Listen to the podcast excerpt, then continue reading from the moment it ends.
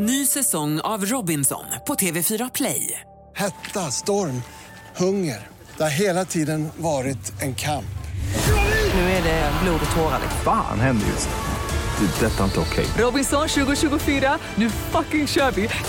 Streama söndag på TV4 Play. Podplay. Tycker du du är smartare än, än de flesta? Ja, det är jag.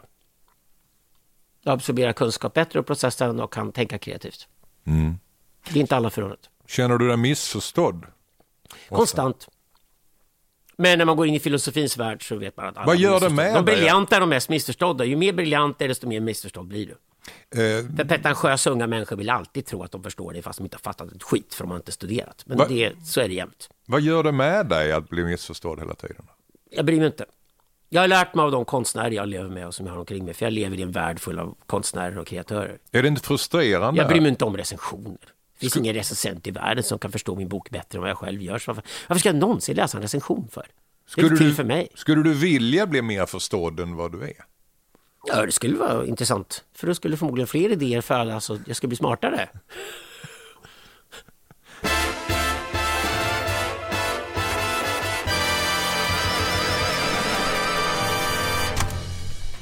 Där är du! Tjena, tjena! Hej, hej, hej! Hallå, Hallå, hallå! välkommen. Tack. Ringde du på klockan eller? Ja, det funkar. Han är faktiskt något längre än jag trodde. På ett sprudlande humör och påminner om en buspöjk med skägg. Mannen i dörröppningen är den första icke-komiker jag intervjuat. Men ändå får han mig att skratta mer än de flesta lustigkurrar jag mött. För det är något med de där frispråkiga, något attraktivt i det skamlösa Någon kittling i att försättas i vad är det kan sitter och säger läge. För prata kan han när åsikterna viner som en tennisboll i en torktumlare. Under samtalet känner jag ibland att jag spontant vill opponera mig. Nej men så där kan man inte säga, får man väl inte tycka. Men jag släpper taget och lämnar åt dig att förfasas eller fascineras. Välkommen till toppmöte med Anders S. och lär känna mannen som sett döden i vitögat tre gånger, fått sparken från Talang och som är den du tänker på när du ber någon prata ur skägget.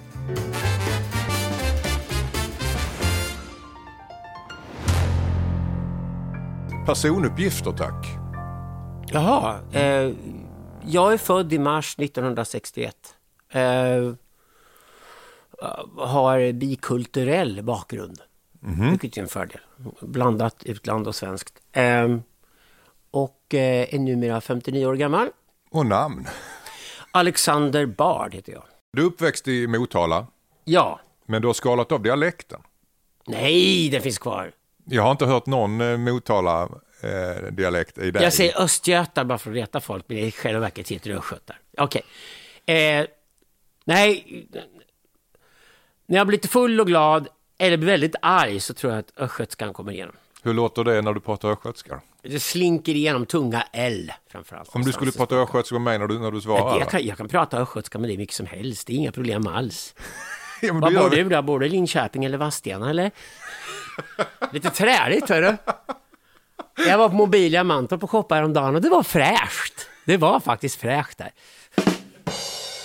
Du Alexander, du är också den första komiker, som, icke-komiker, som jag har intervjuat faktiskt. Jag brukar ju...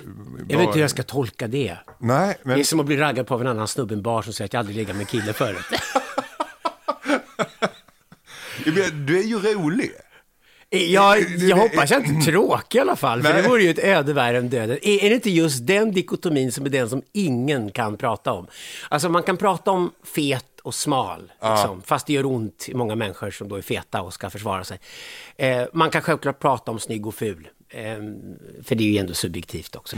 Men eh, man kan prata om gammal och ung, men den dikotomin som är så helig och som gör så ont i folk att kvällstidningar kan aldrig skriva några tipsbilagor om den. Det är rolig och tråkig.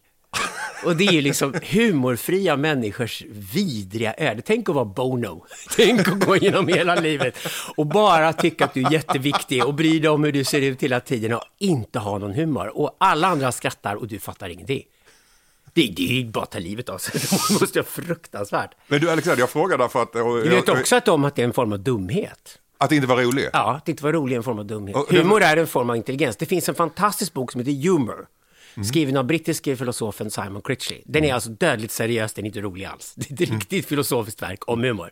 Och det första Critchley slår fast i boken är att humor är en form av intelligens. Det är alltså en parallax, det är en förmåga att se saker på flera olika sätt. Det är därför saker blir roliga, för att från ett håll så ser ju någonting helt seriöst ut, från ett annat håll så blir det jättekomiskt. Ja. Det är då vi skrattar. Alltså, jag, jag, jag sitter just och funderar på vad, vad komiker, jag har tänkt länge, vad är komiker egentligen? För att jag vet folk som kallar sig för komiker som jag inte tycker är roliga. Sådana inkvoterade komiker. ja, det, det får du kalla det Som tillhör någon lidande minoritet och därför måste få stå på en scen och sen är det bara två människor i publiken, ingen skrattar och ändå kommer de tillbaka kvällen efter och kör igen. Men skulle du kunna tänka dig att kalla dig för komiker? Nej, men jag är intresserad av trickstern som karaktär. Jag är intresserad av arketyper. Eh, och jag anser att vi lever i tuffa tider just nu därför att det är svårt att vara komiker och satiriker och, och det skruvas åt från alla håll och kanter och det är, blir svårare och svårare att vara rolig utan att stöta sig med någon. Och jag tror att det kommit till en punkt där ironin måste komma tillbaka med full kraft. Jag tror bara det finns ett sätt att göra det då. Det, lämna alla traditionella medier där man ständigt är censurerad, flytta över online där man är så fri som möjligt och sen börja bli rolig på riktigt igen. Jag, försökte se nya Borat-filmen, gammalt fan av Sacha Cohen, men det var bara hemskt. Det var bara dålig. Du gillar det inte var, det? Nej, det var inte rolig alls. Nej. Det var bara en parodi på sig själv. Och jag fattar att just att filmen var så dålig också så blev det uppror i Kazakstan på riktigt den här gången. De är så jävla trötta på Borat och numera är kazakerna rika och har pengar och du vet åker till Moskva och London och New York och festar och tycker bara kan ni sluta hålla på med er jävla rasism, det här är inte kul. Ska ni ändå hålla på och bråka om Black Lives Matter i USA och alla liksom är, är lidande och alla är offer numera, då kan vi lika gärna vi kazaker få vara det med. Så de är så här, de, de har ju lagt upp det på nätet nu med liksom kazakiska taxichaufförer som sitter och säger Borat is not funny and he's not from Kazakstan, please! Så det, det är svårare att vara rolig. Det är inte bara det att censuren är hårdare. Det är inte så enkelt som att satiriker och ironiker och komiker kan sätta sig ner och säga att vi hade det så lätt förut och vi fick göra vårt jobb och nu får inte vi göra vårt jobb för vi blir censurerade. Men det är också en konst att kunna vara rolig mitt i allt det här. Varför är det svårare att vara rolig då, idag? Alltså, det, inte som har hänt är det här med internetsamhället, att alla fått en megafon och skriker och det betyder att en jävla massa humorbefriade människor äntligen hörs. och de är ju inte sena att ta till sig de här megafonerna och skrika och gapa. Och vad som då händer är att de humorbefriade människorna, antingen fattar de inte humor och då tolkar de det roliga som att det är sagt med allvar. Och det är en stor tragedi i sig. Eller också är det medvetet så att det du säger som är roligt och ironiskt tolkar de på ett annat sätt. Jag, jag har själv varit i flera polisförhör nu. Om utredningar om, om ja, alla möjliga saker som jag skulle ha sagt och gjort som utreds om det är brott mot yttrandefriheten och sånt där. Och det, varenda gång så är det när jag är kul och skriver någonting ironiskt på Twitter som uppenbart ironiskt för vilken normalbegåvad bondkärring som helst. Men ändå sitter polisen och framförallt de som gör anmälningarna och låtsas att det här jag skriver är skrivet med fullt blodigt allvar. Mm. Och det är... Men det, kan, kan man inte också ha det som en ursäkt att man är, man är och tassar på gränslandet och när man går över den så säger man jag skojar bara? Jo, det kan För man att, för att säkert göra. humor bottnar väl i lite grann Jo, att men det är säga det jag gör. I tycker. det här fallet måste jag försvara mig absolut. Och varenda gång läggs utredningar ner. Jag är ju inte fälld för någonting. Det finns inga åtal mot mig överhuvudtaget. Och jag tycker väl egentligen också att om någon tycker att jag säger någonting som inte passar dem, då får de driva det civilrättsligt. Problemet är att alla har megafonen, alla kan skrika idag, alla Mm. klagar. Och det betyder att nu har liksom den här, faktiskt, den humorbefriade lynchmobben kommit. Och den vill inte veta av humorn, den vill döda humorn. Och det är alltid satiriken eller ironikern man dödar först när man när lynchmobben kommer farande. Det är därför det är svårt att vara rolig då. Har du själv funderat på att ställa dig på en standup-scen och köra? Nej, alltså... Jag har Anders Selin och Aron Flam som två av mina absolut bästa vänner. Jag vet också hur svårt det är att, att lära sig tajmingen och stå där och klara av tajmingen. Det är därför också jag klev av musiken helt för sju år sedan. För att du kan inte sitta och göra musik på hobbynivå om det en gång har varit med och skrivit världshits och haft stora framgångar. För du vill inte vara medioker. Du är antingen eller. Så antingen gör du det här och, och gasar på utav helvete och liksom... I, timing är en så central del av, av att stå på scen och göra stand-up. Så att För jag- det, jag- skulle ju krävas åratal att träna upp det. Om jag ens har talang, det vet jag inte heller. Men om jag skulle ha talangen för att stå på scen och göra stand-up så krävs det åratal för att komma dit. Men det jag skulle ha svårt för, och vad min talang inte funkar här, är att det kräver ett skådespeleri som kräver att du tömmer dig själv först och så går du upp och så tar du på en roll.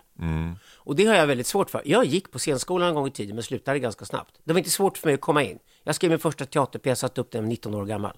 Jag gick på teaterskola i USA i tonåren. Alltså, jag var teaterunderbarn. Varför har du svårt för det, att gå in i Där, roll? jag kommit på helt enkelt, men det är så svårt att inte vara Alexander Bard för mig. Okej, och, och skådespel, det, är därför, det är därför intervjuer med skådespelare och, och humorister blir så tråkiga, för att de är tomma och de tar på sig roller hela tiden när de går upp på scenen. Det är det bra skådespeleri är. Men att höra en skådespelare bli intervjuad om sin senaste pjäs, det är lika tråkigt som att höra en idrottsstjärna bli intervjuad. Det var så här, ja, ah, du vann tennismatchen, hur kändes det då? Och jag slog lite hårdare än min motståndare, jag slog in bollen där och då kändes det bra och så vann jag. Och det är samma sak med skådespelare. Ta en sån som Johan Rabaeus, vi är kompisar, och jag älskar Johan. Han är så jävla rolig, han är helt underbar. Men Johan Rabaeus är en sån person som, det är inte så mycket där egentligen faktiskt. Utan han är bara så jäkla bra på att bli de här karaktärerna han ska vara.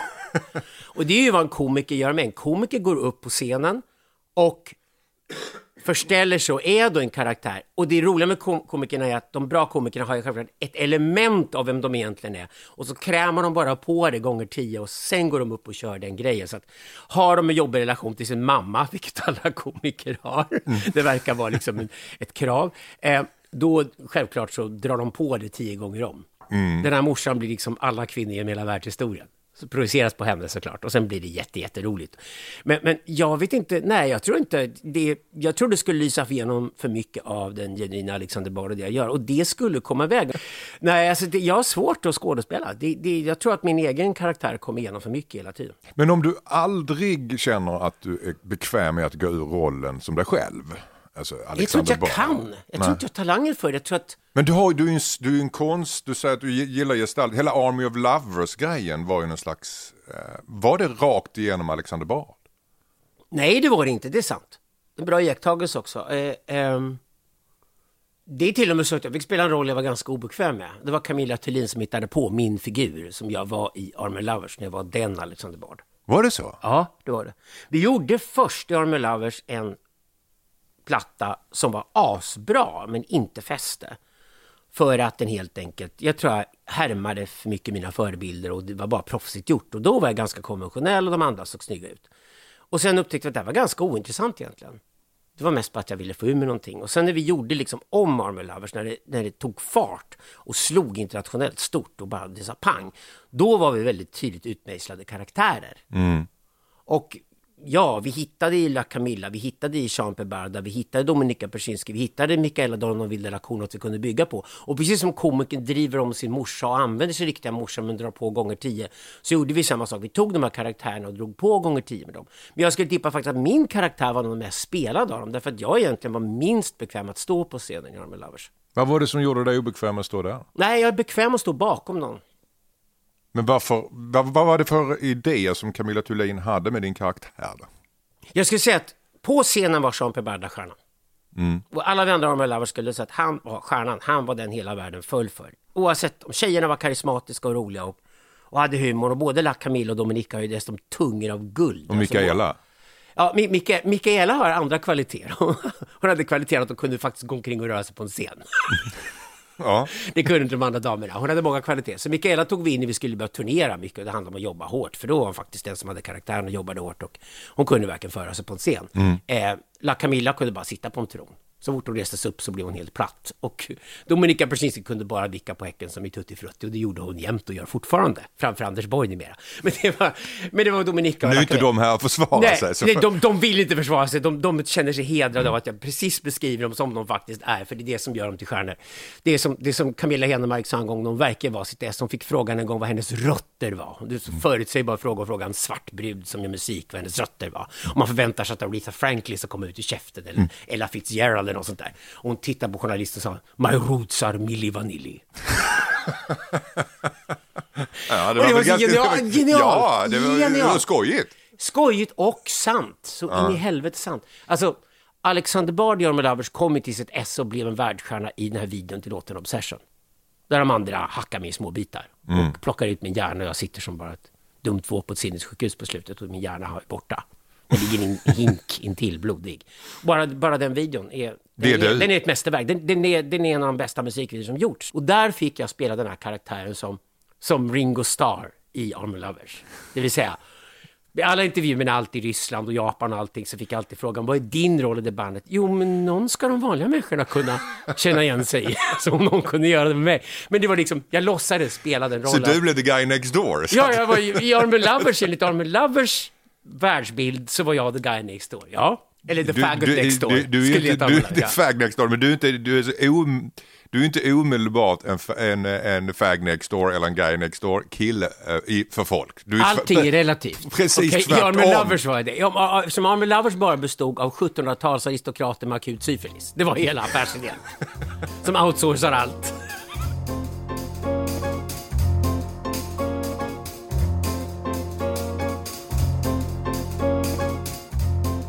Det är coronatider just nu.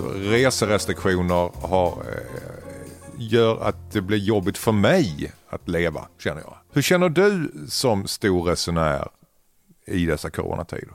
Jag kom igång här under de här månaderna när det var lite lugnare. Och satte igång och resa i alla fall i Europa. Men shit alltså, dessa ansiktsmasker överallt var man än landar. Det, det- det är så jäkla jobbigt att åka någonstans just nu för det blir så bökigt och det är svårt att planera någonting överhuvudtaget. Så jag får väl ge upp liksom bara så här och vänta med resandet tills Men två vad- eller tre coronavågor till är över. För att uppenbarligen är det så att även om coronan nu är nere på nivå där den inte dödar fler än vanlig säsongsinfluensa. Ja, nu höjs, nu höjs det ju igen. Nu är en Ja, andra men- våg på väg. här. Jo, men titta, det är för att så många fler blir smittade också. Men tittar du på dödligheten i coronan så är den faktiskt inte mycket högre än en säsongsinfluensa nästan. Det jag har haft corona själv, det var inte alls, det var vidrigt. Men, eh, Det var det. ja, det var hemskt. Berätta, jag är jättenyfiken. Nej, men alltså, Hur kändes det från, alltså när du fick? det, det, det är en jäkligt obehaglig sjukdom, det, för det, det är o, diffusa symptom först och sen slår det till med full kraft och det slår ofta till på något av tre eller fyra olika sätt. Jag fick andnöden direkt. Så att det, och det är den som dödar till och med, att folk slutar andas helt enkelt. De klarar inte av det och mindre organen lägger av. Sy, det är syrebrist i blodet. Gör att lever och njure allting lägger av och då går det fort. Så att, eh, jag hade ungefär 48 timmar som var kritiska. Var du till sjukhus? Mm. Oj. Och sen eh, blev jag bättre och sen var jag nästan frisk, feberfri och satte igång att röra mig. Och då kom andra vågen.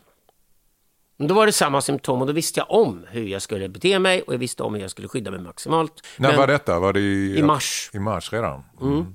Och du är fullt frisk annars? Du har inga underliggande sjukdomar? Nej, nej, jag har astma bara, men det har ingen korrelation till covid Nej, jag Det trodde hört det. man i mars, så då var det allvarligt. För det var det första läkarna frågade, kom in, jag är astmatiker. Ja, det såg de, för jag var så van att andas med så jäkla lite luft som jag gjorde, för jag kan meditera när liksom inte astman slår till. Så det gjorde jag, men det var ju farligt, för du, får du syrebrist ut i fingerspetsarna och ut i tårna alltihopa, då, då, då går det fort sen utför. Det, alltså, det kan tänka mig det vidrigaste som finns med att få andnöd på det sättet. Ja, det är det. Och hur, hur, hur, hur upplevde du? Var det, hur, Det var som någon hade parkerat en stor jävla betongbunker rakt över hjärtat. Det gjorde skitont och sen kunde jag inte andas. Och det, det, det enda du vill när du inte kan andas är att någon ska öppna lungorna så att du kan andas. Vad Det är gör det du man då? Och det går ju inte. Det är då du inser hur maktlösa människor är inför liv och död. Va, va, vad gjorde Läkare med, alla, alla var ju... Då, vad, vad skulle de göra?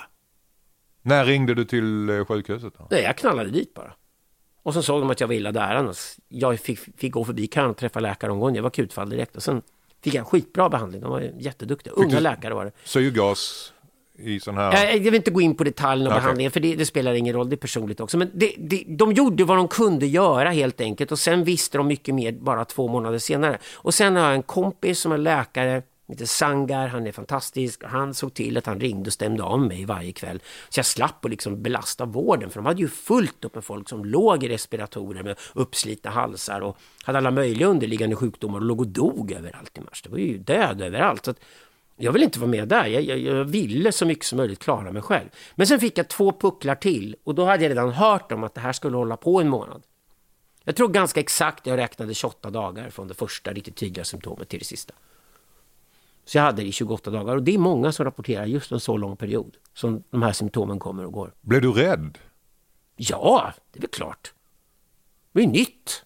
Ja. För det enda jag hade var att det fanns ett parallellt nätverk som växte fram synkront med män i min ålder med bra underliggande hälsa som alla hade en rejäl variant på covid-19. För män över 50 får ofta en ganska rejäl variant av sjukdomen. Och det spontana nätverket var fantastiskt att se. Det var det jag gick hem och kollade på datorn. Jag Oj, shit, just det. Jag fick tips från en läkare och sen så var det såg jag bara med en gång. Liksom. Och sen var det ju egna polare jag hade i min egen ålder som bara Ja, jag är 55, jag åkte skidor i Österrike, jag är jättesjuk och fy fan. Hur har det gått för dig? Jag har fått det också. Du med? Ja. Hur gör du då? Du gör så här och så här och så här. Så tipsar man varandra om tips som dök upp överallt online. Så fort du var feberfri, bäst gå ut och röra sig, träna igång lungorna på en gång för annars kan det bli permanenta lungskador. För alla gissade ju. En ny sjukdom, det är ingen som vet hur covid-19 skulle landa. Fortfarande, man vet mycket mer idag när du och jag sitter här i november än man visste i mars såklart. Mm. Men fortfarande en sjukdom vi håller på att lära oss om. Mm.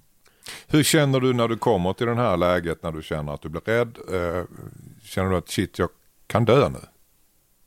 Man går och, kollar, man går och kollar arvet. Man går och kollar att man bryr sig om de människorna omkring som man, man älskar ifall det skulle bli riktigt illa. Var du rädd för det? Det är klart man är, sluta andas. Mm. Vad var det för tankar som kom då? Var det några tankar som blev överraskade dig? Eller? Nej, det var mer så här, jaha, jag fick det. Okej. Okay. Vi hade redan ett gäng som kommit överens om att vi skulle ta hand om varandra och vara med varandra och om någon blir smittad så sket vi om de andra blir smittade. Vi hade redan kommit överens om det. Sen när jag väl hade gått igenom den första fasen och den andra kom och den var lika allvarlig egentligen, rent tekniskt var den lika allvarlig, men då visste jag hur det funkade. Jag visste också att det skulle gå över. Så du behövde inte åka iväg till sjukhuset? Nej, då, då, då, kände jag inte att, jag kände, jag kände inte att mitt liv var i fara andra eller tredje gången det kom. Utan... Har det påverkat dig någonting det här? Alltså har du tankemässigt eller? Ex ja. ex existentiellt? Ja, det skulle klart göra det. Jag har haft allvarliga sjukdomar förut i livet. Jag höll på att dö när jag var 23 år gammal. Det färgade hela min personlighet. Vad var det för något? Ja, det, jag vill inte gå in på detaljerna, nej, men jag, jag, var riktigt sjuk när jag var 23 år gammal. Jag höll på att dö och stryka med. Och det var till och med så att läkarna sa till mig då att jag skulle dö. Men de hade feldiagnostiserat mig. Okej. Okay. Vilket faktiskt för psyket är väldigt intressant, för enda gången jag gått till en terapeut. För jag var totalt livlös när jag kom ut ur det. Alltså jag levde men hade ingen motivation kvar till någonting. För mitt psyke var så inställt på att jag skulle lägga ner. Och hur reagerade du... Och då kan det ta åratal för att komma igen. Jag har fattat det. Har, har du en gång sagt till någon att en människa ska dö och de tror det själva och sen överlever de i alla fall. Det betyder inte att de blir jätteglada och hoppar upp och ner och är fulla av energi när de får det beskedet. Det kan ofta vara så chock till hela systemet att det som hela systemet har stängt ner och måste liksom köras igång. Och jag körde igång allting genom beteenden, det vill säga det som heter KBT då. Mm. Det vill säga jag gjorde saker jag borde göra och gjorde dem nästan laglydigt varje dag så följde jag mina rutiner och sen efter några månader började känslorna väckas till liv och kom tillbaka. Vilken känsla är den svårast, svårast att överbrygga? När man... Likgiltigheten. Depressioner. Mm. Jag lider med deprimerade människor, det är fruktansvärt. Deprimerade människor har ingen framtid. I alla fall manlig depression funkar så. Jag ska inte tala för en kvinnlig depression, den är förmodligen lite annorlunda. Men den manliga depressionen funkar så att du tappar all tro på framtiden. Och det enda du kan göra är att sitta varje stund och älta det förgångna. Och eftersom du ältar det förgångna runt i en loop hela tiden så är allt som har gått fel i det förgångna, vilket är alltid mycket, det går inte att korrigera och rätta till eftersom det inte finns en framtid. Och då är det ditt fel och då måste straffet vara för evigt. Och därför deprimerar människor till slut tar livet av sig. För att de, de, är så självbestraffande i sina tankeloopar och kommer inte ur den här loopen. Och det spelar ingen roll hur mycket du försöker leka med en, eller trolla med en deprimerad person för att få dem att tro på framtiden. Det, det finns ingenting där för att bygga framtiden på. Den kapaciteten är bortblåst. Mm. Hur länge var det där tillståndet? Då? Det kan vara åratal. Tre, fyra eller? För mig var det, jag var inte deprimerad. Jag var, jag skulle, det är fel ord att använda jag var helt enkelt nollställd och omotiverad efter eh, att jag hade överlevt något som jag skulle dö av. Och var 23 år gammal. Och sen när jag var 55-årsåldern, alltså det gick 23 år till. Mm. Då åkte jag till Sydamerika och levde med shamaner i djungeln för att få uppleva min död på riktigt. Och då fick jag göra det. Just att jag beskrev vad som hade hänt när jag var 23 och hade kommit ut ur det och hade alltså erfarenhet om det förut. Och då kunde jag göra om den upplevelsen i 55-årsåldern. Vad var det för upplevelse? Det, var det... det är som man blir präst i till exempel Chavin-traditionen i Peru. Man, man, man, man, man tar droger så att hjärtat slutar slå. Så att man dör. Och så att man är övertygad om att man är död. Men samtidigt så har man någonting som kickar igång hjärtat precis när man är på det ögonblicket. Varför ville du göra det? Jag vill veta hur jag skulle reagera inför döden och vad jag skulle prioritera. Därför att om du upplevt ditt eget dödsögonblick så vet du exakt vad som är viktigt för dig i ditt liv. Det finns bara ett sätt att göra det på och det är att dö. Och om du har haft ett dödsögonblick i ditt liv som du medvetet har konfronterats med, där du är fullständigt övertygad om att nu dör jag, nu lämnar jag, det upp. Då vet du precis vad det är som är viktigt i ditt liv. Allt annat försvinner. Kände du att, eh, att nu dör jag när du låg Mm. där? Du kan inte lura kroppen. Eller, hjärnan kan inte lura, hjärnan blir lurad av kroppen så att om ditt hjärta slutar slå då kommer din hjärna vara övertygad om att du lägger ner. Och hela systemet slår på, nu dör jag. Och du kom i det tillståndet att du accepterade döden? Ja, Blev det svart sen? Du gav upp sen? Nej, men det är då det precis den andra vändningen slog in och då blir man först arg. Första reaktionen när du börjar leva igen efter du har varit död är att du blir arg. För du har ju gett upp. Så den som har gett upp är den som ska reagera för att man vaknar till liv igen. Det är superintressant. Verkligen? Mm. Filosofiskt jätteintressant, väldigt Heidegger. Du blev snuvad på döden? Ja, och min första reaktion var ilska. Ja. Men vad fan! Jag hade ju förberett mig för det. Förber nej, förbereda kan du inte göra. Du, du, du knäcks, steg för steg för steg knäcks det. Alla dina motstånd drivs ner tills du fullständigt underkastar dig någonting som du totalt har tagit makten över dig och kör över dig. Det är som någon kör över med en bandtraktor bara och du kan inte göra motstånd. Det är ungefär som du ligger fastlåst på asfalten och där kommer traktorn och bara kör över dig. Det är precis så det är att dö. Du sa att du ville uppleva det i Sydamerika. Jag ville göra den 55. andra gången i mitt liv som jag hade upplevt när jag var 23. Så tyckte jag att ett lämpligt tillfälle var när jag var i 55-årsåldern. Och då sa jag till shamanen att jag räknar med att leva ytterligare en sån här period, men nu är jag halvvägs dit. Så jag är halvvägs mellan min första död och min avslutande död. Och där vill jag uppleva det en gång till. För att veta att jag inte har dödsångest. Hade du dödsångest? Nej, eftersom jag upplevt döden redan när jag var 23. Och då var jag övertygad om att jag skulle dö.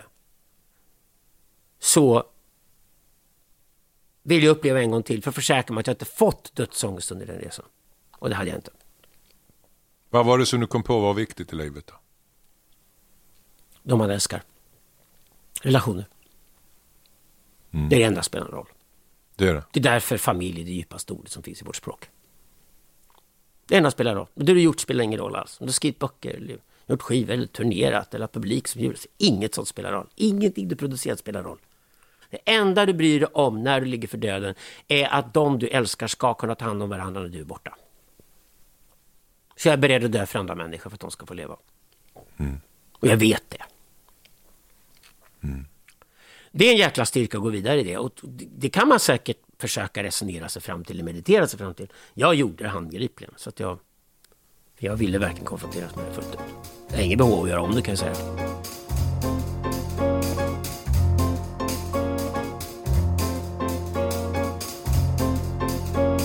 Du sa till mig, eller jag har hört dig säga, att när du var sju år var du klar med vem du var och vad du ville. Ja, uppenbarligen, men det är ju också en efterhandskonstruktion. Men jag hade en vägg i mitt pojkrum full med rockstjärnor och en vägg full med filosofer. Alla hade skägg. Det var bara män med skägg. Jag ville ha skägg. Jag ville ha man ha skägg. Jag skällde ut en frisör när jag var sex år gammal för att jag inte kunde få polisongen och mustasch innan jag var sex år. Jag ville absolut inte vara den här skägglösa ungen. Jag ville bli man och ha skägg. När skaffade du skägg? Skaffade Så du fort jag kunde. Och enda gången jag inte hade det var under Army Lovers-perioden. Jag hade långt hår och, inte, och bara mustasch. Jag har annars haft skägg före och efter det, jämt. Varför det? Jag älskar skägg. Det finns två kön. Skägg och kvinnor. Jag slipper titta på könsorgan. Mycket bättre uppdelning tycker jag. Du har aldrig lekt med tanken att raka av dig skägget? Nej. Känner mig helt naken. Skulle bli som Simpson i, i Bibeln? Jag du skulle bli kvinna. Du skulle, du skulle förlora din Jag skulle bli kraft. transsexuell på en gång. Ja, nej, skägg, mustasch, det är givet. Jag tycker det är stiligt på andra män också. Jag tycker, har man chansen att ha skägg och mustasch, skaffa det. När upptäckte du första gången att du hade dragning till män? Jag vet inte vad det innebär. Jag har en stor dragning till kvinnor. Eh, Jag ser kvinnor som kompletterande, en motsats, obegripliga, därför så spännande och, och det är verkligen, det är grönare på den andra sidan och på det sättet är jag heterosexuell. Så alltså gillar jag kvinnor. Min dragning till män har mycket mer att göra med att just min arketyp är en man som ska ta hand om män. Så jag fattar det när jag var 13-14, att det blir nog inte familjebarn för mig. Det är inte min grej. Men du pratar, jag pratar om sexuell dragning. Jag älskar och sånt. Nej, så här funkar det. Att jag tycker att det är spännande både män och kvinnor och gärna samtidigt. Ja, Okej. Men du har sexuell dragning till, för jag kan inte tänka mig det. Så det finns en skiljelinje. Jag kan bara Eh, tänka mig, jo. jag älskar män, Jo, men jag för har ingen du- sexuell dragning Nej, till för män. du tänker inte de situationerna där det skulle uppstå som skulle attrahera dig. Och det här är folks fantasibrist. Antingen har vi slaveri eller också har vi inte slaveri i ett samhälle. Och om vi inte har slaveri i ett samhälle, då kan inte folk vara slavar under till exempel en sexuell läggning. Det underkänner jag på en gång. Det är bara att du tänker inte en situation där du skulle vara sexuell på något sätt med andra män. Och vilken situation? Annars tänker du bara det dragning till könsorgan. Det är banalt.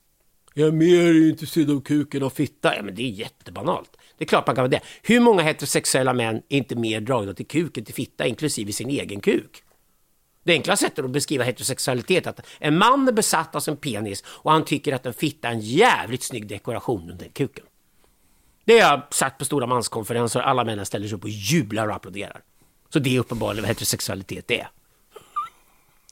Så att män inte skulle vara intresserade sexuellt av män, det är som att säga att de är intresserade av sig själva. Det skulle vara som en man inte kan runka längre. Det är bisarrt, det är klart det är. Det är inte det skiftet som avgör det här med homo och heterosexualitet, som jag tycker är en jäkligt olycklig uppdelning överhuvudtaget. Jag håller med Michel Foucault fullständigt. Det, turkar till exempel förstår inte konceptet taget. För hur kan man bli någonting man gör? Kan man bli någonting på grund av ett beteende? Det är en bisarr idé. Finns det en skillnad i rom- romantisk kärlek då? Till män versus kvinnor? Okej, då kan jag säga så här. Att killar idag pratar om en man crush betyder att de tänder på tjejer och måste ha en relation till tjejer för det finns en sexuell koppling till tjejerna. Men man crush betyder att du är så jäkla förtjust i din polare att du skulle vilja dela ditt liv med honom snarare än att flytta upp en brud. Okej? Det är nya ord vi använder idag för att beskriva någonting som fanns förr, som återkommer idag. Därför att med kärnfamiljens totala liksom, nedrasering så måste vi hitta på andra livsstilar. Och då öppnar vi upp oss för helt andra saker. Jag gillar kloster.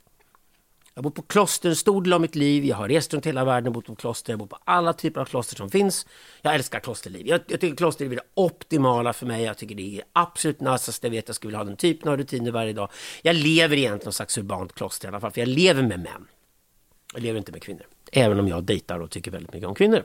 Så du lever med, med män? Ja, och men dejtar du- väldigt gärna kvinnor som lever med kvinnor. För de kvinnorna är starkare än andra kvinnor och roligare. Men var kommer sex in i den bilden? Då har du sex med dem du lever med, både och de du dejtar med? Det finns något som heter privatliv, Anders. Ja. Ja, det är svårt att veta var gränsen går här. Jag är Alexander. gärna ett B i HBT för andra människors skull, för att de inte ska känna sig så förlorade och borttappade och, och förtvivlade över att de inte kan låsa in i homo och heterofacken. Själv tycker jag att homo och hetero är definitioner som gör människor till slavar. Jag tycker det är fantasilöst och tråkigt. Det handlar om situationer. Jag respekterar eh, ditt privatliv, Okay. så vi släpper det. Vi håller mig till beta och då kan jag dessutom vara med i HBT-rörelsen och varje gång man angriper vita heterosexuella män så kan jag smita undan från det skottet. Du har ett kryss Jag kommer ju dubbelt bra undan där. Jag får ju så många pluspoäng i alla de här minoritetskulterna. Så, Så du lever med män men du dejtar kvinnor? Jag kan alltså vara intersektionell. Intersektionell? Ja, och vinna på det. Ny säsong av Robinson på TV4 Play. Hetta, storm, hunger. Det har hela tiden varit en kamp. Nu är det blod och tårar. liksom. Fan händer just det. Det är detta inte okej. Robinson 2024, nu fucking kör vi! Streama söndag på TV4 Play. Ett poddtips från Podplay. I podden Något Kaiko garanterar östgötarna Brutti och jag, Davva, dig en stor dos skratt. Där följer jag pladask för köttätandet igen. Man är lite som en jävla vampyr. Man har fått lite blodsmak och då måste man ha mer. Udda spaningar, fängslande anekdoter och en och annan arg rant. Jag måste ha mitt kaffe på morgonen för annars är jag ingen trevlig människa. Då är du ingen trevlig människa, punkt. Något Kaiko, hör du på Podplay. Därför är gardinerna. Du har ju hög svansföring, skulle jag vilja säga. Du är väldigt tydlig och du tycker starkt och fort och känslomässigt. Eh, men du har en verbal förmåga som få har. Min teori är så här. Sverige och svenskarna eh, är utsvultna på tydliga personer. Håller du med om det? Ja, jag skulle till och med säga att det är så illa att svenskarna backar så fort de vill något.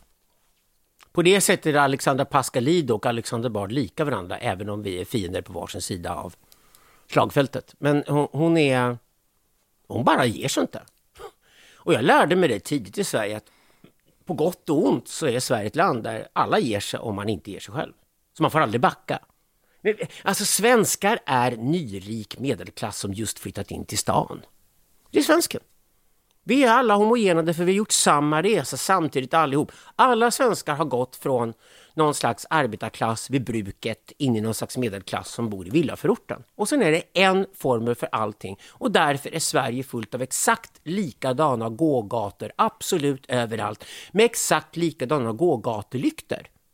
Det finns ingen variation Pratar de inte väldigt liten del av... Sverige är bara äventyrsbad och handikappramper. Och inget av dem är snyggt. Det, det är tråkigt och konformt och, och svenskarna är jätterädda för konflikt. Jag tycker konflikt är spännande. Att få ur sig någonting och uttrycka det och sen få svar på tal tillbaka alltihopa och rensa luften är hur man kommer framåt helt enkelt. Och det är väldigt svårt att vara svenskar att komma framåt. De fastnar i samma saker hela tiden. Så att, håller man på till med politik som är intresserad av, då sitter svenskarna på fullt allvar och menar att de politiska partier vi har i riksdagen idag är vi dömda att ha för all framtid. Fast resten av Europa kan slänga ut många partier som helst. Frankrike, Italien och Holland har gjort det regelbundet. Och bytt ut alla partierna och tycker nu räcker det. Nu vill jag ha folk som inte är karriärister och därför måste vi ha nya partier. Ja, då byter man ut alla partierna. Men svenskarna sitter kvar och tror någon slags dödsdom de har över så att vi måste rösta på Liberalerna en gång till fast vi inte vill ha dem. Eller något sånt där. Det, det, det är typiskt svenskarna. Det är konflikträdslan slår igenom på sådana områden. Men du pratar om svenskarna som en helhet här. Det finns ju, de har ju blivit väldigt segregerade i Ja. Sverige. Ja, oh ja. Ja. Ja. Nej, det är varmkorv och får- bröd som gäller. Det är det verkligen. Nyanlända migranter som kommer hit, som har bott här i många år eller bott, bott här väldigt kort Ja, men vi, de blandar sig ju inte med svenskar. Svenskarna blandar sig ju inte med invandrare. Vi har ju ett av de mest segregerade samhällena i världen. För svenskarna vill inte blanda sig med annat än andra svenskar. Svenskar vill att grannen ska vara svensk. Sverigedemokraterna har rätt. Det är det vad svenskar vill. Och det har varit fult att säga men ändå röstar folk till slut på dem för att alla ger sig för att det är faktiskt det svensken vill. Om du frågar svensken vad han själv vill så vill han ha grannar som ser ut exakt som honom och han vill ha noll konflikter. Svenskarna gillar inte konflikter. De ska sitta alla stycken på ett stordass på kvällen, sju personer till varandra och prutta i kapp. Liksom. Det är vad svensken är programmerad att göra. Och för att alla ska vara sams i den där tajta stugan med dasset på kvällen på under vinterhalvåret så måste alla vara jättesams.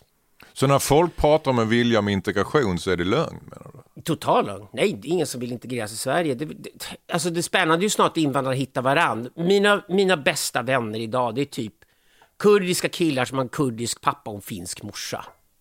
Och det är de mest spännande människorna i Sverige idag. idag alltså, överlägset mest spännande, nu tar invandrarna över Sverige kulturellt. Varför då? Därför de är roliga och de är spännande och de tänker fritt och de är inte rädda för att ta konflikter. Varför då? För de är alla minst bi eller trikulturella. Ofta har de två kulturer hemma och så möter de den svenska kulturen. Det blir tre kulturer.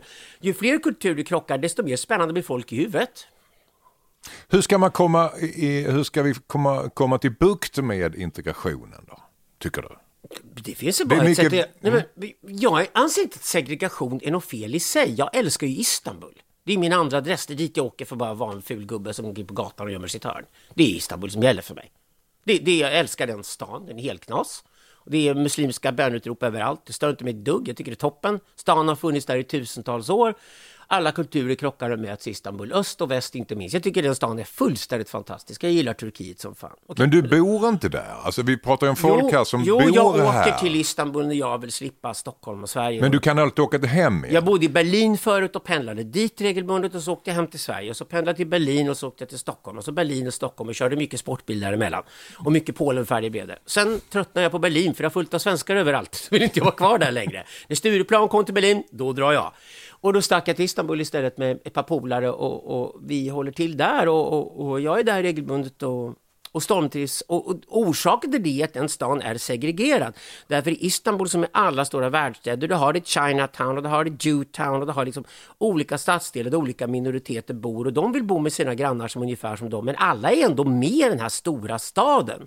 Och det är spännande att det är så en stad verkligen funkar. Du vill inte att alla kvarter ska vara likadana. I Sverige sätter man några arkitekter på att rita en hel stadsdel och så byggs hela stadsdelen samma årtal. Och det är klart att alla husen ser likadana ut hur man än anstränger sig för att skapa någon form av mångfald. Och då får man Hammarby sjöstad. Men du föres, förespråkar du segregation snarare då? Segregation är helt naturligt. Folk ska få bo var fan de vill. Men vi pratar om förutsättningar då. Så folk som är i, eh, i utsatta områden som har, ärver fattigdom mer eller mindre. Som, som eh, inte Ja, har samma chans. Jag har en elit som bor där jag om bor och där bor, du bor. Om du bor trångbodd i en lägenhet i en förort runt Stockholm eller Södertälje så vill inte du bo i en villaförort med svenskar. Det är det svenskarna tror. De tror att invandrarna vill bo i en villa och ta fram grillen och köra tacofredag och allt sånt där som svenskar gör. De, de tror på allvar att invandrarna vill leva det livet. Det vill inte invandrarna göra. Det är därför invandrarna har egna fester, egen kultur, plockar in egna saker. Det är därför jag konverterade till zoroastrismen. Jag valde en annan religion. Jag gick in i en annan kultur, den persiska kulturen. Jag är som en, vilken perser eller kurd som helst idag. Jag äter så mycket persiska middagar så det sprutar ut så här perska kryddor i öronen på mig. Och det gjorde jag bara för att kunna vara i en annan kultur än den svenska, för att sitta åtminstone i två kulturer. För jag anser man kan inte ens vara intelligent om man inte deltar i minst två kulturer. Men de vill väl ha samma förutsättningar i alla fall som du och jag har. Ja, men det är väl ingen invandrare som kommer till Sverige som vill gå längs samma gågata i varenda stad, vilket svenskarna gillar, för svenskarna är så vansinnigt konformitets och trygghetssökande. men och det de vill- är inte andra kulturer. Det, Sverige Men de vill inte bli bortvalda på jobb för att de heter den konstigt. Nej, självklart Och de vill kunna ha samma förutsättning till samma utbildning. Ja! Ja, ja, men, Men- det, inte, det har inget med det med segregation, segregation? att göra. Aha, Segregation har att göra med att jag bor där med mitt gäng och du bor där med ditt gäng och ni väljer en livsstil där och vi väljer en annan livsstil här. Och vi kan välja livsstil efter religion eller etnicitet eller vilka andra intressen du vill. Till att börja med om du bor i en hyresrätt i en innerstad eller om du bor i en villa i Sollentuna så redan där är olika grannar och olika livsstilar för det är olika människor som väljer de livsstilarna. Det är vad segregation är. Men du är ju inte sån. Du älskar ju andra kulturer. Ja, jag är Ja. naturligt nyfiken. Ja. Ja. Ja, ja. Varför tror du att inte svenskarna vill det då? Det är väl inte många svenskar som vågar lyfta om Nordafrika när de är 20 år gamla på egen hand, men det gjorde jag. Jag är en sån människa som gör det. Jag tycker att det är kul. Men skulle du inte vilja att svenskarna ville det då? Nej, Var lite mer som du. nej, nej. Du vill inte att svenskarna Nej, jag ska var, vara som jag, du. jag var som kallas en shamanoid personlighet. Nej, nej, shamanoida personligheter ska nog vara ungefär de 4 procenten som är det och de ska nog vara vilda som tar de största riskerna och jag tycker inte alls att vanligt folk ska behöva ta de risker i leva en typ av liv jag lever. Det är det liv jag har valt. Jag segregerar. Ingen ska in och tassa på ditt jävla liv, är det det? Jo, de andra som är som jag får gärna göra det. Men jag förutsätter att folk som bor i den där villan, i den där villaförorten och har den där grillfesten tycker det är kul. För mig är det en mardröm. För du får hålla med om Alexander att, att det finns ju en, ett, ett utrymme för en argumentation emot det du säger här. Att du vill, du, du, du vill, du, du häcklar de svenskar som är eh, konformistiska. Men du vill inte att de ska bli som du. Nej, okej. Jag är invandrarnas största vän i Sverige. Okej, själv invandrarbakgrund, i alla fall delvis. Okej, men, men, Hur men då menar du? det betyder att hur har du invandrarbakgrund? Ja, men det betyder att jag är bikulturell från början som det heter. Och det betyder att jag anser att ju fler invandrare Sverige klarar av att hantera, desto bättre för Sverige. För det skulle sätta fart på en väldigt monokron, tråkig, konformistisk kultur. Det tycker jag är bra. Men om integrationen inte fungerar, då är det katastrofväg. Och det är det som hänt de sista fem åren tydligt i Sverige. Det har egentligen byggts upp under lång tid. För att vi har misslyckats med integrationen. Segregationen är inte problemet, men integrationen måste fungera. Det vill säga just precis det du säger, att oavsett vad jag heter i efternamn så, så kan jag söka det här jobbet och ha lika stor chans att få jobbet som alla andra baserat på mina meriter. När det försvinner och svensken döljer det här och sopar under mattan och sen kan vi kalla det rasism eller vad vi kallar det för någonting. Men när det försvinner och det sopas under mattan, för svensken vill ändå ha en granne som är svensk. Och svenskar flyttar ut i bostadsområden där folk flyttar in som inte har en etnisk svensk bakgrund. När det sker hela tiden och sopas under mattan, till slut har du ett så stort integrationsproblem att du får det Sverige vi har idag. Och du kan inte lösa de här konflikterna med fler poliser hårdare metoder, något som nu både moderater och sossar alla tävlar om att hålla på och föreslå. Jag anser nu att gäng gängmentaliteten och gängvåld har gått så långt i Sverige att du måste börja förhandla direkt med gängen, för nu har de territorier. Och du får respektera att det är så. Du måste ge upp kraven på att låtsas att vi liksom... Är inte det ett demokratiskt problem? Att Jo, det är klart det, men vi har redan, gett, vi har redan i praktik gett upp det, är bara att låtsas som någonting annat. Men ska det växa då? Det kommer ju växa om vi inte gör någonting. om vi inte gör någonting, om, om vi ska göra någonting som fungerar, Okej, det första du ska göra är legalisera droghandel för att dra undan mattan på kriminella gäng. Alla droger. Heroin, kokain, amfetamin. Legalisering betyder att du får kontroll över någonting. Om du kriminaliserar någonting så lägger du ju locket på. Och så hoppas du det ska försvinna. Och om du dyker upp någonstans slänger du folk i fängelse och så kommer det tillbaka och så kommer det tillbaka och kommer tillbaka som en zombie i en skräckfilm. Vilket vad droger gör hela tiden. För svenskarna har levt i illusion i 50 år där maoisten Beiro tittar på på 1970-talet att knark var någon slags ond ande som besatte alla människor som tog knark en gång och det vet varenda snorunge om idag att det där är bara lögn. Det har varit lögner från början till slut och det har skapat en kultur idag där Sverige har högst dödlighet i hela västvärlden av missbruk. Vi har en omfattande kriminell sektor här, en stor svart ekonomi som är droghandeln, där invandrarkillar säljer droger till vanliga vita svenska etiska killar huvudsakligen. Det är så marknaden ser ut.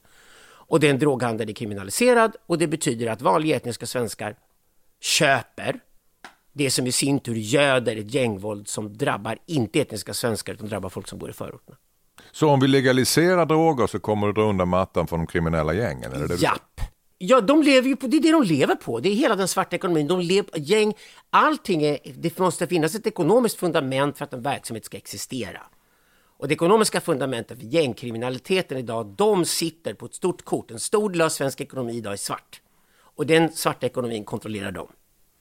Och de är inte intresserade av legalisering därför då försvinner fundamentet varför de existerar, för då drar vi undan mattan på dem.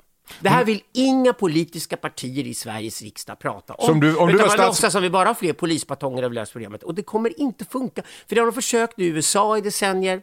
Funkar inte. Städer som Baltimore är fullständigt sönderslitna, fattiga, trasar i småbitar. Vi kommer sluta likadant i Sverige, men i Sverige kommer det vara Örebro eller Sundsvall som blir söndertrasat till slut. Av samma skäl som Baltimore är trasigt i USA. Så om du skulle vara statsminister för en dag så skulle det första du skulle göra det är att legalisera droger? Jag skulle först se till att allting svenskar gör hamnar under lagen. Jag skulle legalisera allt svenskar gör. Om folk handlar droger i Sverige, vilket svenskar gör massivt mycket. Och ska du lösa problemet så måste du erkänna att den handeln finns och det finns en marknad för den. Och sen är det så här, det du sen belägger med straff i lagboken ska, ska ju vara något som det finns ett offer för. Ja, Ja, men det är om de, om de, så är det ju inte med narkotikan alls. Den är en gigantisk del av svensk lagbok. Vi håller på att slänga in folk i 10-20 års fängelse för brott som saknar offer. Perfekt exempel på legalisering är Systembolaget. Vi försöker göra så att alkoholproduktionen och konsumtionen i Sverige går genom en tratt som staten har insyn och kontroll över det som tjänar pengar på, det är Systembolaget. Och sen tillåter inte vi i Sverige att man säljer vin, öl och sprit i vanliga livsmedelsbutiker som man gör i Danmark till exempel. Det är legalisering.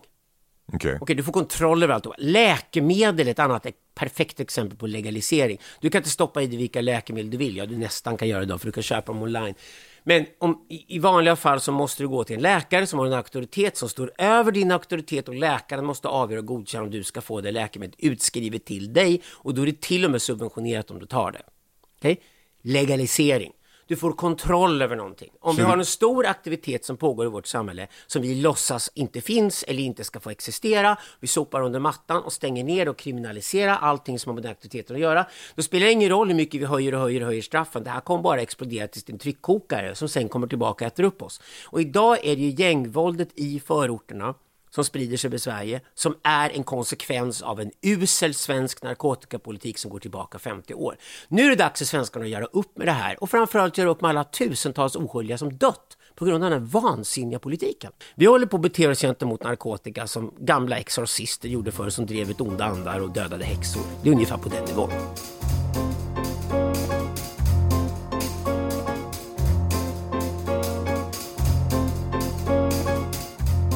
Alexander, eh, vi har precis haft ett, eh, eller det håller ju på kan man säga, ett val i USA. Ja, Trump och Biden.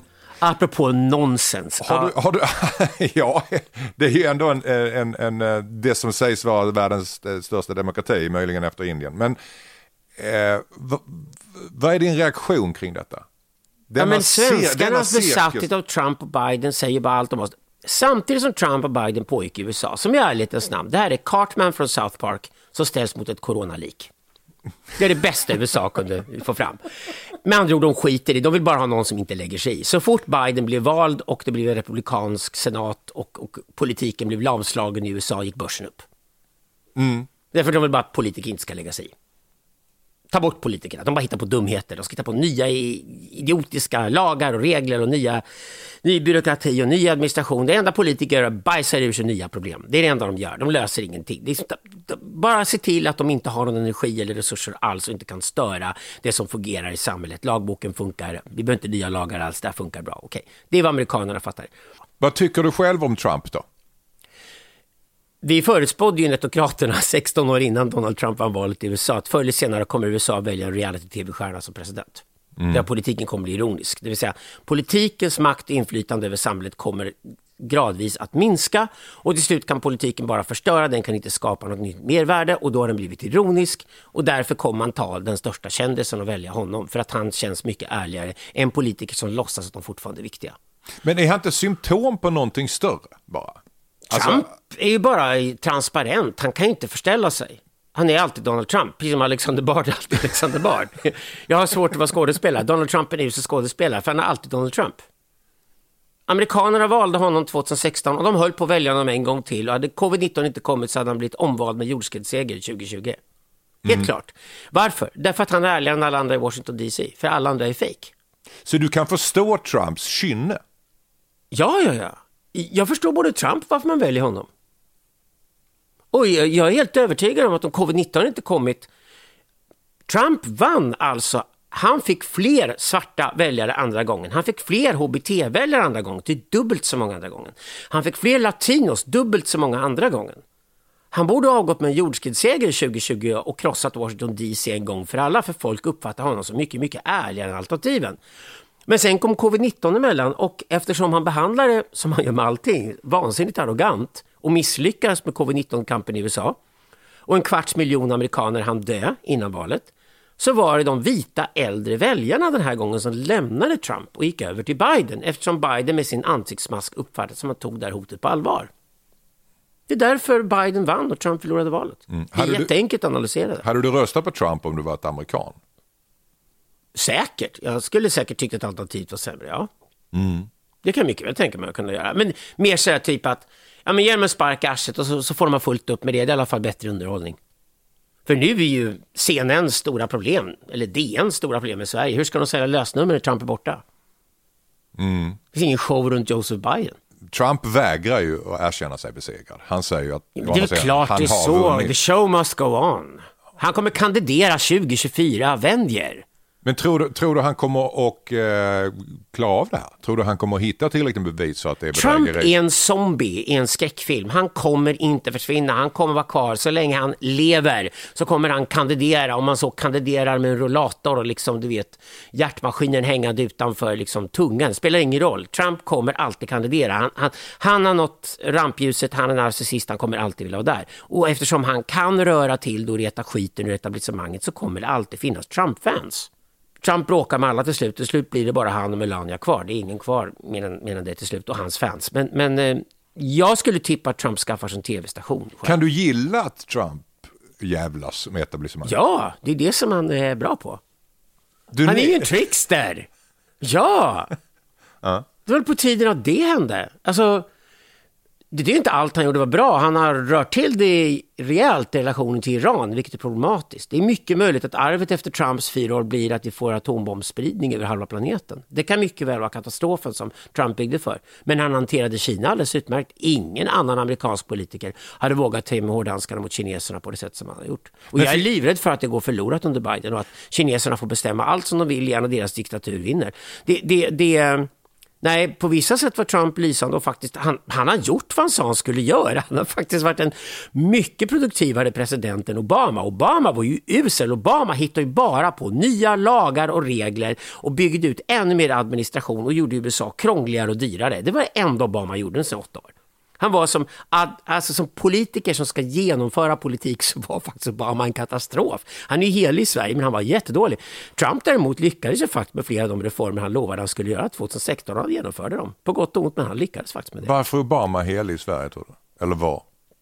Där vi är konflikträdda, han har rätt hudfärg, han har rätt bakgrund, han har rätt historia. Och så bestämde vi oss för att han skulle vara helig och fin för vi läste in någon blandning mellan Martin Luther King och Tage Erlander i honom och något sånt där. Och sen projicerar på det och sen sitter vi fast i den myten om Barack Obama att han är så jättefin och jättegod. Det är ungefär som paret Clinton. Svenskarna var chockade när amerikanerna upptäckte att Hillary Clinton var en bitch. Det var liksom så här, svenskarna kunde inte förstå det. Paret Clinton var ju sådana änglar i Sverige. Så fina människor. De är bjudna på alla tillställningar på Nybroplan. Tänk om Bill Clinton eller Joe Biden eller Barack Obama skulle landa i Sverige och hålla ett litet tal här för någon Nobelkommitté liknande och hela Sverige dallrar av förtjusning. Äggstockarna rasslar överallt och svenskarna är jättenöjda. Det, svenskarna är helt sålda på det här. Problemet med Sverige är att vi är bara demokraterna i USA utan att vara republikanerna. Så vi, är, vi är amerikaniserade men har köpt en enda linje, en enda väg som vi läser in på vårt sätt. Ungefär som att vi ser Sverige genom svensk socialdemokratis ögon och läser in det på Demokratiska partiet i USA. Och eftersom vi alla i Sverige är amerikaniserade och helst av allt skulle vara amerikaner och skäms att vara svenskar så köper vi det, just det amerikanska arvet med hull och hår. Men du, jag, när du sa att du gillar Donald Trump han är en trickster. Och jag kan hålla med dig om det. Alltså, det, är, mm. det är en kul figur. Det är, kul, det är alltid kul med någon som kommer att röra om. Bert Karlsson rörde om i Sverige och ställde på ölbackar. Det var ett tjofaderittan Lambo. Det var lite uppfriskande på något sätt. Men det här är en kille som sitter på kärnvapenkoderna. Men det är det som avgjorde saken. Varför folk valde honom 2016 han kunde ha vunnit igen. För att alla tittar på honom och tänker, diggar han sin familj? Ja, det gör han. Diggar han sina barn? Ja, fett mycket. Han skötte sin första skilsmässa rätt bra faktiskt. Skaffade sig en snygg, bra fru. Hon verkar rejäl den här Melania. Nej, han diggar sina barn. En man som diggar sina barn och sina barnbarn trycker inte fingret på kärnvapenknappen.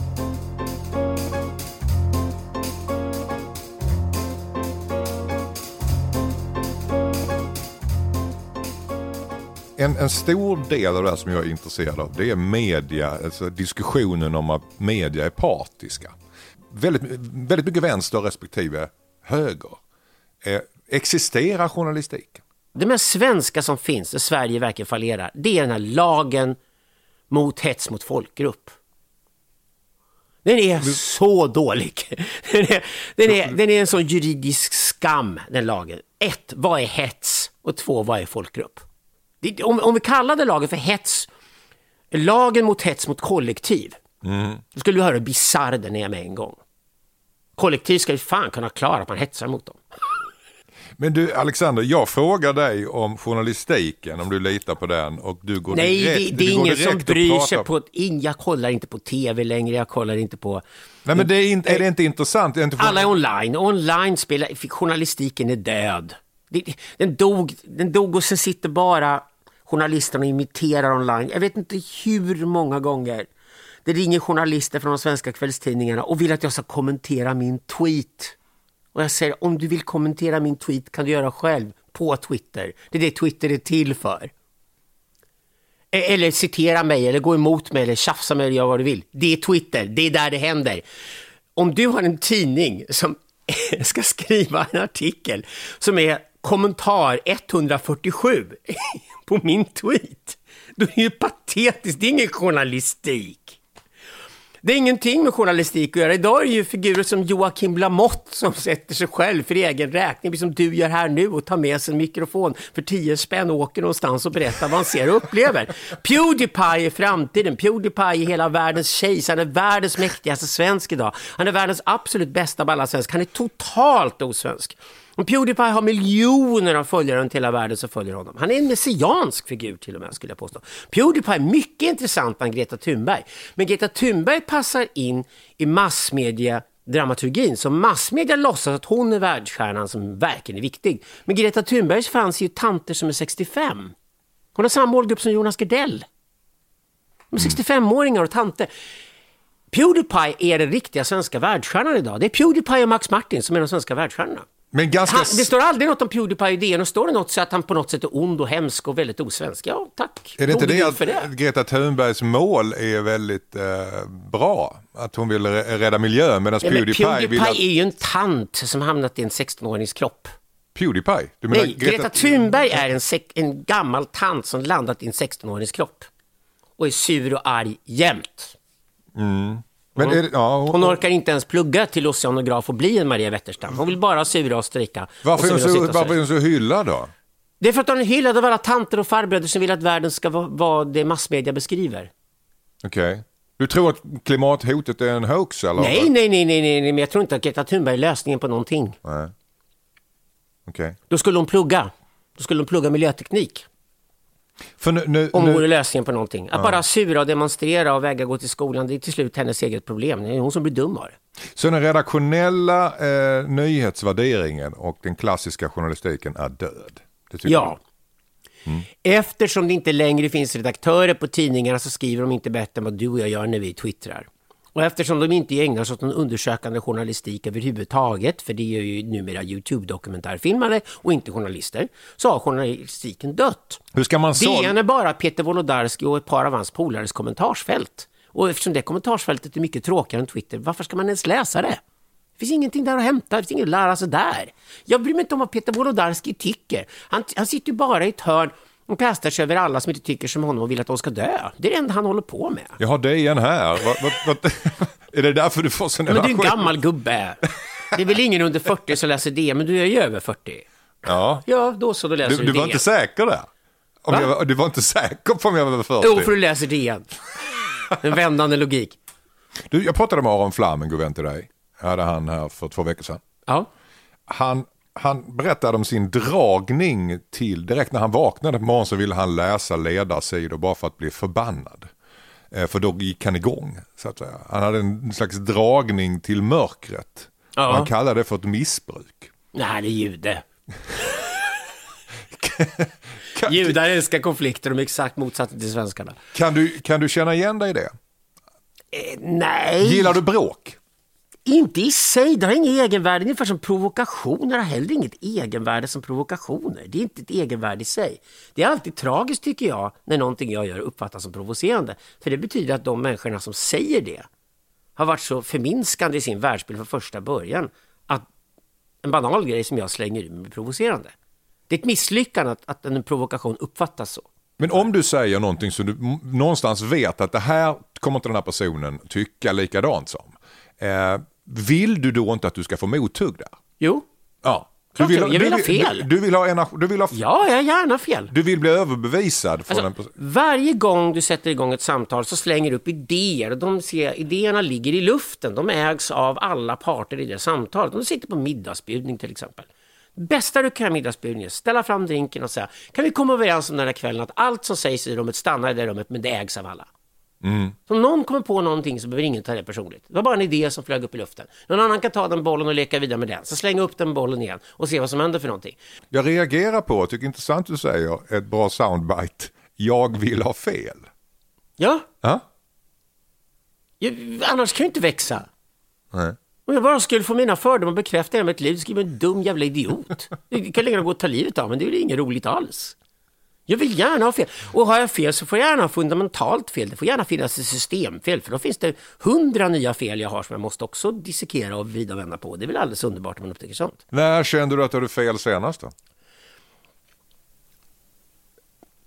Det var ett tag sedan, men å andra sidan så är det fortfarande saker jag upptäcker och det är egentligen det som är det viktigaste. Inte att ha felet utan att fortfarande expandera och tänka djupare.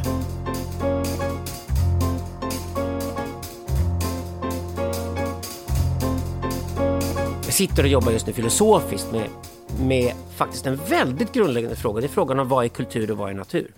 Den är rasande intressant. Den, den är totalt underskattad i vår tid. Jag tror till exempel på, äh, jag ska slänga fram en rolig hypotes.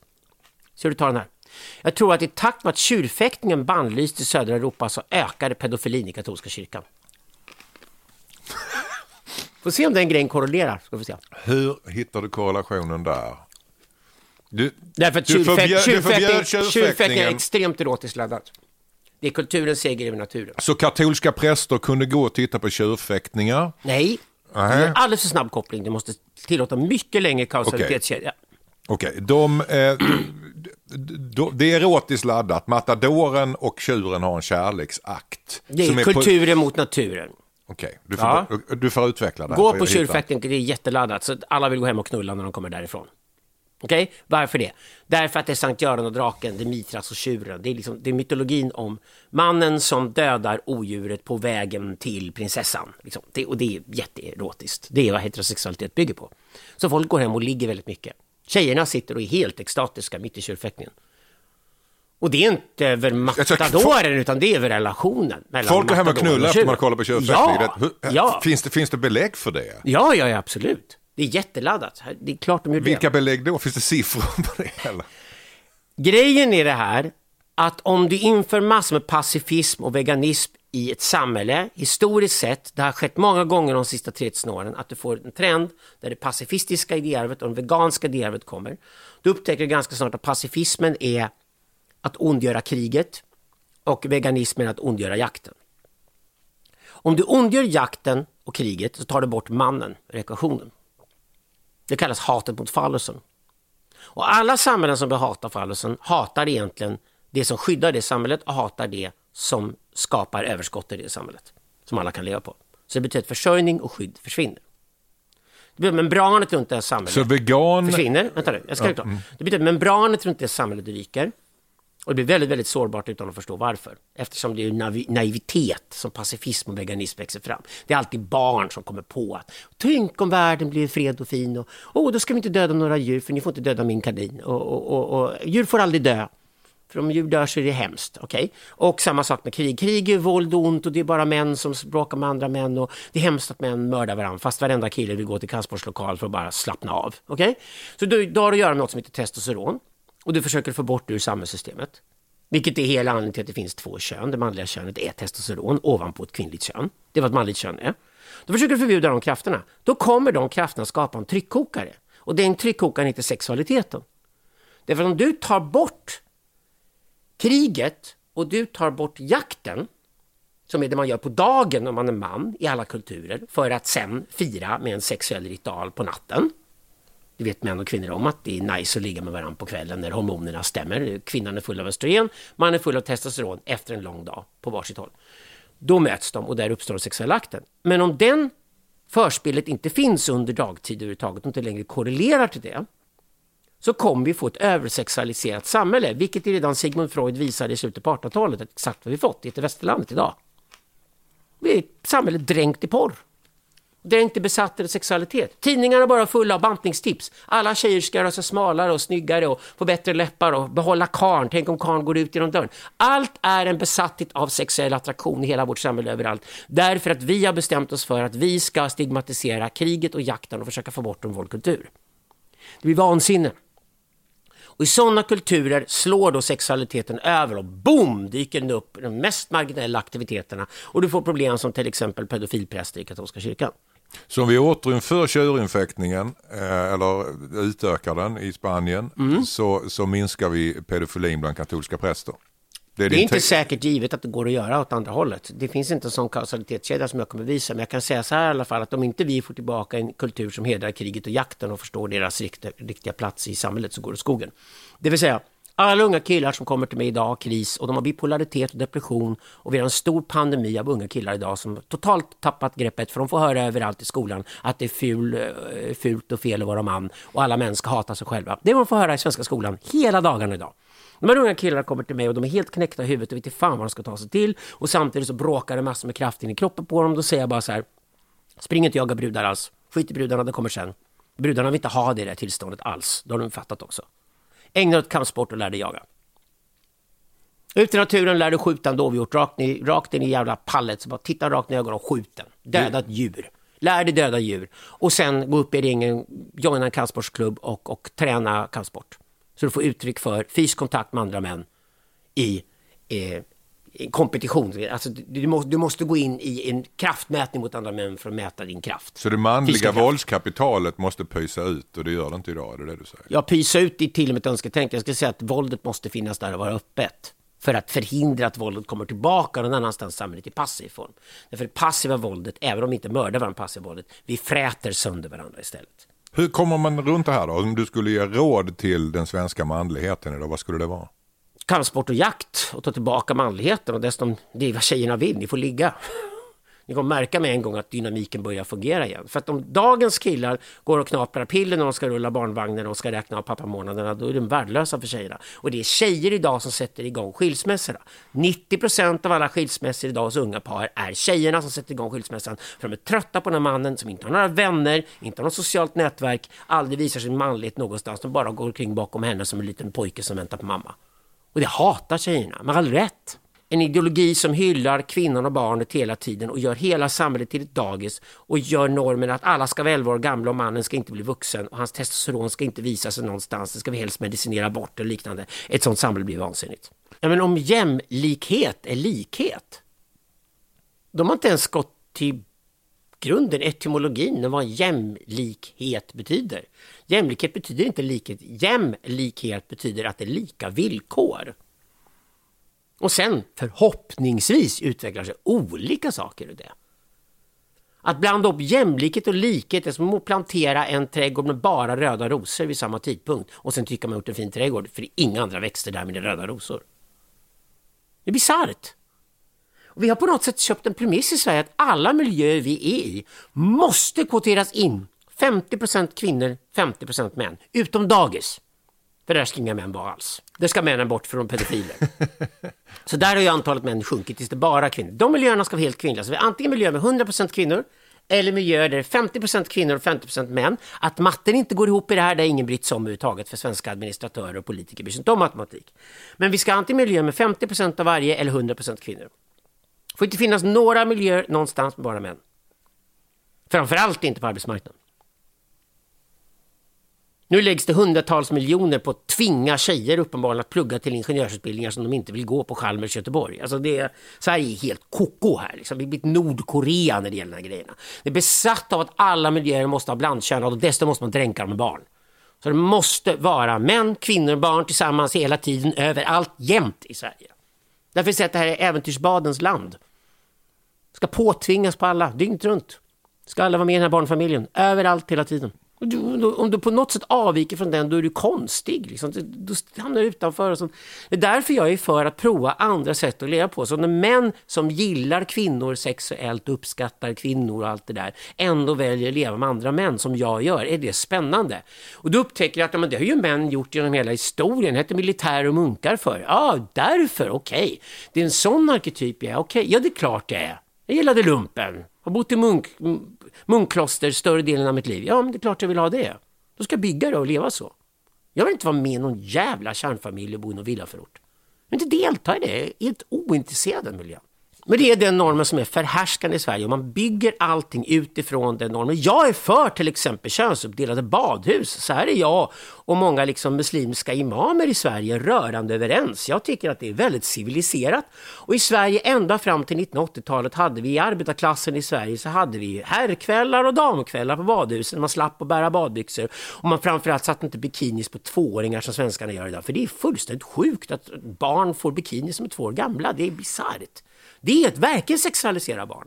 Mm. Det är jätteperverterat där och konstigt bara.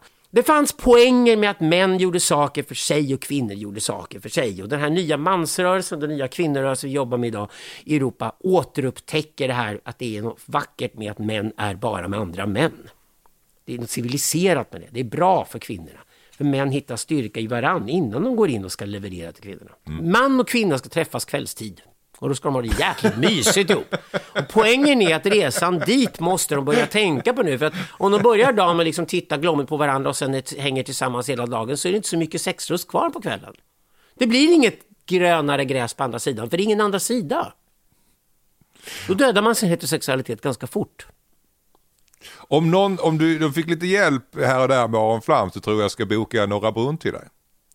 Det är dags för dig att göra, oh, det är dags för dig att göra, göra entré där. Nej, inte börja ännu en karriär. Jag fyller hade, 60, Anders. Det hade varit roligt. Nej, jag tror jag är nöjd att vara filosof resten Är du inte lite sugen? Nej, jag har inte tid. Jag har fullt upp att skriva en ny bok och det tar all ledig tid jag har. Du, eh, många komiker i alla fall har, har ju ett kunskapskomplex. Eh, har jag märkt. Nu är inte du komiker, men jag gissar att du inte heller har ett kunskapskomplex. Nej. Blinda fläckar kanske? Det har alla. Jag brukar ställa samma fem frågor till alla. Eh, och jag vill bara testa dem på dig.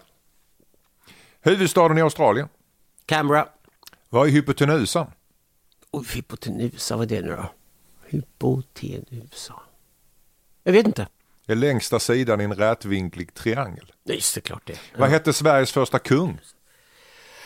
Det beror på hur man räknar. Mm, det var väl dem. någon Magnus Eriksson kanske då? Eller vad hittade du på för någonting då? För det fanns ju både Svear och Götar. Ja, Erik Segersäll brukar man säga. Olof Sköt Är det så man skriver alltså. Ja, historien Olof Sköt nu? konung räknas som det, men det var Erik Segersälls son. Okej. Var okej. spelades Ja, det Zlatan- där har ändrats genom historien. Ja, Ja, metahistorien ändrar väl där. Okej, vi säger så Alexander. Mm. Eh, vad spelade Zlatan innan Milan? Oh, vet du, Malmö FF var han inne i ett bra tag och så var han illojal och så rev de någon staty. Och... Nej, han var i England, han var i. England också. Ja, han har varit lite överallt. Ja, Jag hör att du är ute och cyklar och du nämner Malmö FF, det var några decennier sedan. Eh, LA Galaxy. Ja, han var USA Vad heter också. grisen Grymta på engelska? Grisen grymt, det uttrycket finns inte på engelska. Jo. Ja, då finns det en gammal brittisk engelska i sådana fall som inte jag talar. Grymta vet du väl? Grymta, vadå? P- grisen Grymta. Men säg det på engelska då. Är Pig Grunts. Grunts. Det är Grunt. gammal brittisk engelska. Ja. Ingen amerikan skulle fatta det. Ingen amerikansk. Jag pratar amerikansk engelska. Ingen skulle fatta vad grunts är. Så du, de säger du grunts säger att jag har fel svar? Nej, jag tror det är rätt svar. Det är helt korrekt, men det är gammal brittisk engelska. För ingen säger det uttrycket. Ingen använder det i dagligt tal engelska som vi gör i Sverige. Med grisen grymtar. Alexander Bard, tack så jättemycket för att du gästade toppmöte med Anders S. Tack så hemskt mycket Anders S för att du hade mig.